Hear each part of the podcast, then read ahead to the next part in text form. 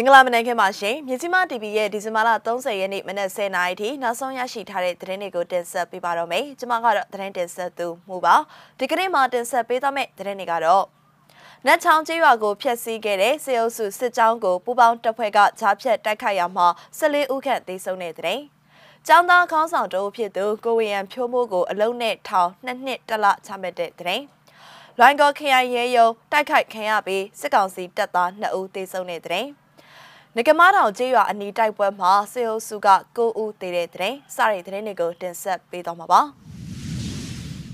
ဦးဆောင်တဲ့အနေနဲ့နတ်ချောင်းကျေးရွာကိုဖျက်ဆီးခဲ့တဲ့စေအုပ်စုစစ်ကြောင်းကိုပူးပေါင်းတပ်ဖွဲ့ကကြားဖြတ်တိုက်ခိုက်ရမှာ14ဦးခန့်သေတဲ့တဲ့ကိုတင်ဆက်ပေးကြပါမယ်။စကိုင်းတိုင်းကလေးမြို့နယ်နတ်ချောင်းကျေးရွာမှာဒေသခံနေအိမ်တွေကိုမီးရှို့ဖျက်ဆီးကပြည်သူတွေကိုအကြောင်းမဲ့တပ်ဖြတ်ခဲ့တဲ့အကြမ်းဖက်စစ်အုပ်စုရဲ့စစ်ကြောင်းကိုကလေးပြည်သူကာကွယ်ရေးတပ်ဖွဲ့ PDF ချင်းမျိုးသားကာကွယ်ရေးတပ်ဖွဲ့ CNDF နဲ့ပြည်သူကာကွယ်ရေးအဖွဲ့တို့ပူးပေါင်းပြီးကြားဖြတ်တိုက်ခိုက်ခဲ့တယ်လို့သိရပါတယ်။ ဒီဇင်ဘာလ29ရက်နေ့မနက်ပိုင်းမှာနှစ်ချောင်းကျေးရွာနဲ့ချောင်းကွကျေးရွာကနေဟာခါလေးကျေးရွာနဲ့ရေဆိုကျေးရွာတွေဘက်ကိုစစ်ကြောင်းထိုးလာတဲ့စစ်အုပ်စုကိုပူးပေါင်းတပ်ဖွဲ့ကနှစ်ကြိမ်ကြားဖြတ်တိုက်ခိုက်ခဲ့ပြီးတော့တိုက်ပွဲပြင်းထန်ခဲ့တယ်လို့သိရပါတယ်။ ကြားဖြတ်တိုက်ခိုက်ခံရပြီးတဲ့နောက်စေအုပ်စုဟာနေ့လယ်ပိုင်းမှာနောက်တစ်ကြိမ်စစ်ကြောင်းထိုးဝင်ရောက်ခဲ့တာကြောင့်ထပ်မံမိုင်းဆွဲတိုက်ခိုက်ခံခဲ့ရတယ်လို့သိရပါတယ်။တိုက်ပွဲတွေအတွင်းမှာဘူပေါင်းတပ်ဖွဲ့ကစနိုက်ပါနဲ့ပါပစ်ခတ်ခဲ့ပြီးတော့စေအုပ်စုကထိတွေ့တိုက်ပွဲအတွင်းမှာ၄ဦးသေဆုံးခဲ့ကမိုင်းဆွဲတိုက်ခိုက်ခံရမှုမှာလည်း၁၀ဦးခန့်ထပ်မံသေဆုံးသွားတယ်လို့ PDF ကလေးကထုတ်ပြန်ထားပါတယ်။ထိတွေ့တိုက်ပွဲမှုအပြီးမှာပူပေါင်းတပ်ဖွဲ့ကထိခိုက်ကြဆုံးသူမရှိဘူးလို့သိရပါတယ်။တိုက်ပွဲအတွင်းအထိနာသွားတဲ့စေအုပ်စုဟာစစ်ကြောင်းထိုးဝင်ရောက်ရာလမ်းတစ်လျှောက်မှာ ချောင်းကဟာခါလေးကျေးရွာတွေကပြည်သူတွေရဲ့နေအိမ်တွေကိုအကြောင်းမဲ့မိရှုဖျက်ဆီးမှုတွေလှုပ်ဆောင်ခဲ့တယ်လို့သိရပါတယ်ရှင်။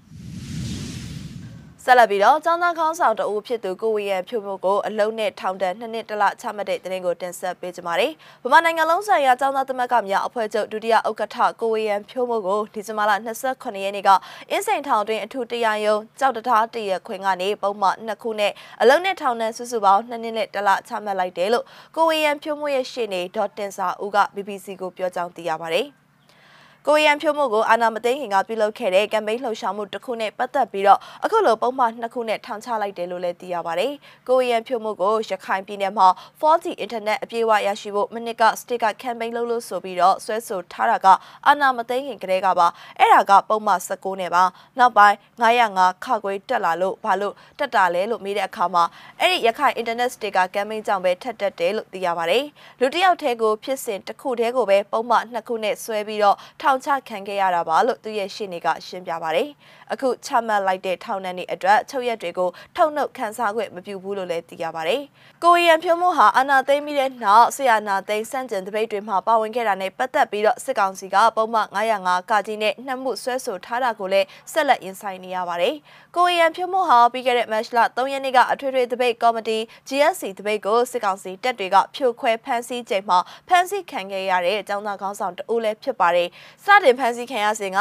ကိုရီးယားဖြိုးမှုရဲ့အသက်အန္တရာယ်စိုးရိမ်ရတဲ့အခြေအနေရှိကြောင်းမြန်မာနိုင်ငံလုံးဆိုင်ရာကျောင်းသားသမဂ္ဂများအဖွဲ့ချုပ်ကမတ်လ12ရက်နေ့မှာကြေညာချက်ထုတ်ပြန်ခဲ့ပါတယ်ရှင်။ဆက်လက်ပြီးတော့လိုင်းကောခိုင်ရှေယုံတိုက်ခိုက်ခံရပြီးစစ်ကောင်စီတပ်သား2ဦးသေဆုံးတဲ့တဲ့ရင်ကိုတင်ဆက်ပေးကြပါမယ်။ကယားကင်နီပြည်နယ်လိုင်းကောမြို့မှာရှိတဲ့ခရိုင်ရဲတပ်ဖွဲ့ရုံးကိုမနေ့ကမနေ့အစောပိုင်း3နာရီလောက်က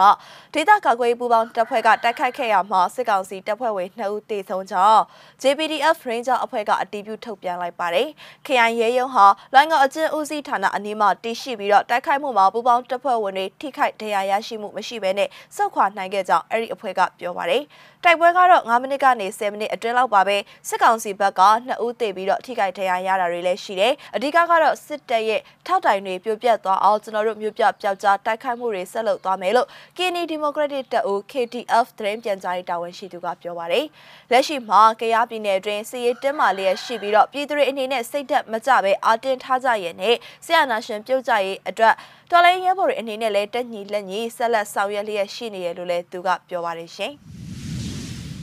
နောက်ဆုံးသတင်းတစ်ပုဒ်အနေနဲ့ငကမထောင်ကျေးရွာအနီးတိုက်ပွဲမှာဆွေအုပ်စုကကိုဦးတည်တဲ့သတင်းကိုတင်ဆက်ပေးကြပါမယ်။စကိုင်းတိုင်းပလဲမြို့နယ်ငကမထောင်ကျေးရွာအနောက်ဘက်မှာအကြမ်းဖက်ဆွေအုပ်စုနဲ့ပြည်သူတော်လှန်ရေးတပ်မတော် PRA တို့တိုက်ပွဲဖြစ်ပွားပြီးတော့ဆွေအုပ်စုကကိုဦးတည်ဆုံးသွားတယ်လို့ PRA ကသတင်းထုတ်ပြန်ထားပါတယ်။ ဒီဇင်ဘာလ29ရက်နေ့မိုးလဲ2နာရီခန့်မှာမကွေးတိုင်းကျောမြို့လက်နက်ထုတ်လုပ်ရေးစက်ရုံကနေကအစီ40ကျော်နဲ့ထွက်လာတဲ့စေအုပ်စုရဲ့ရှင်တန်းကိုငကမတောင်ရွာအနောက်ဘက်မှာပြည်သူတော်လှန်ရေးတပ်မတော် PRA တက်ခွဲကိုကဘိုဂျိုဝါတက်ခွဲ14ကဘိုငတေတို့အဖွဲ့ဟာမိုင်းဆွဲတိုက်ခိုက်ခဲ့ပြီးတဲ့နောက်မိနစ်20ခန့်ကြာထိတွေ့တိုက်ပွဲဖြစ်ပွားခဲ့တာဖြစ်တယ်လို့သိရပါတယ်။တိုက်ခိုက်မှုအပြီးမှာ PRA တပ်ဖွဲ့ဝင်တွေထိခိုက်မှုမရှိဘဲနဲ့ပြန်လည်ဆုတ်ခွာနိုင်ခဲ့တယ်လို့သိရပါတယ်။မနေ့ကမိုင်းဆွဲခံရပြီးကြားပြတ်တိုက်ခိုက်ခံရတဲ့ရှင်တန်းကိုဒီဇင်ဘာလ29ရက်နေ့ကလည်း PRA တက်ခွဲ2နဲ့တက်ခွဲ16တို့ကတကြိမ်ကြားဖြတ်တိုက်ခိုက်ခဲ့သေးပြီးတော့စစ်အုပ်စုက9ဦးသေဆုံးထားပါတယ်ရှင်။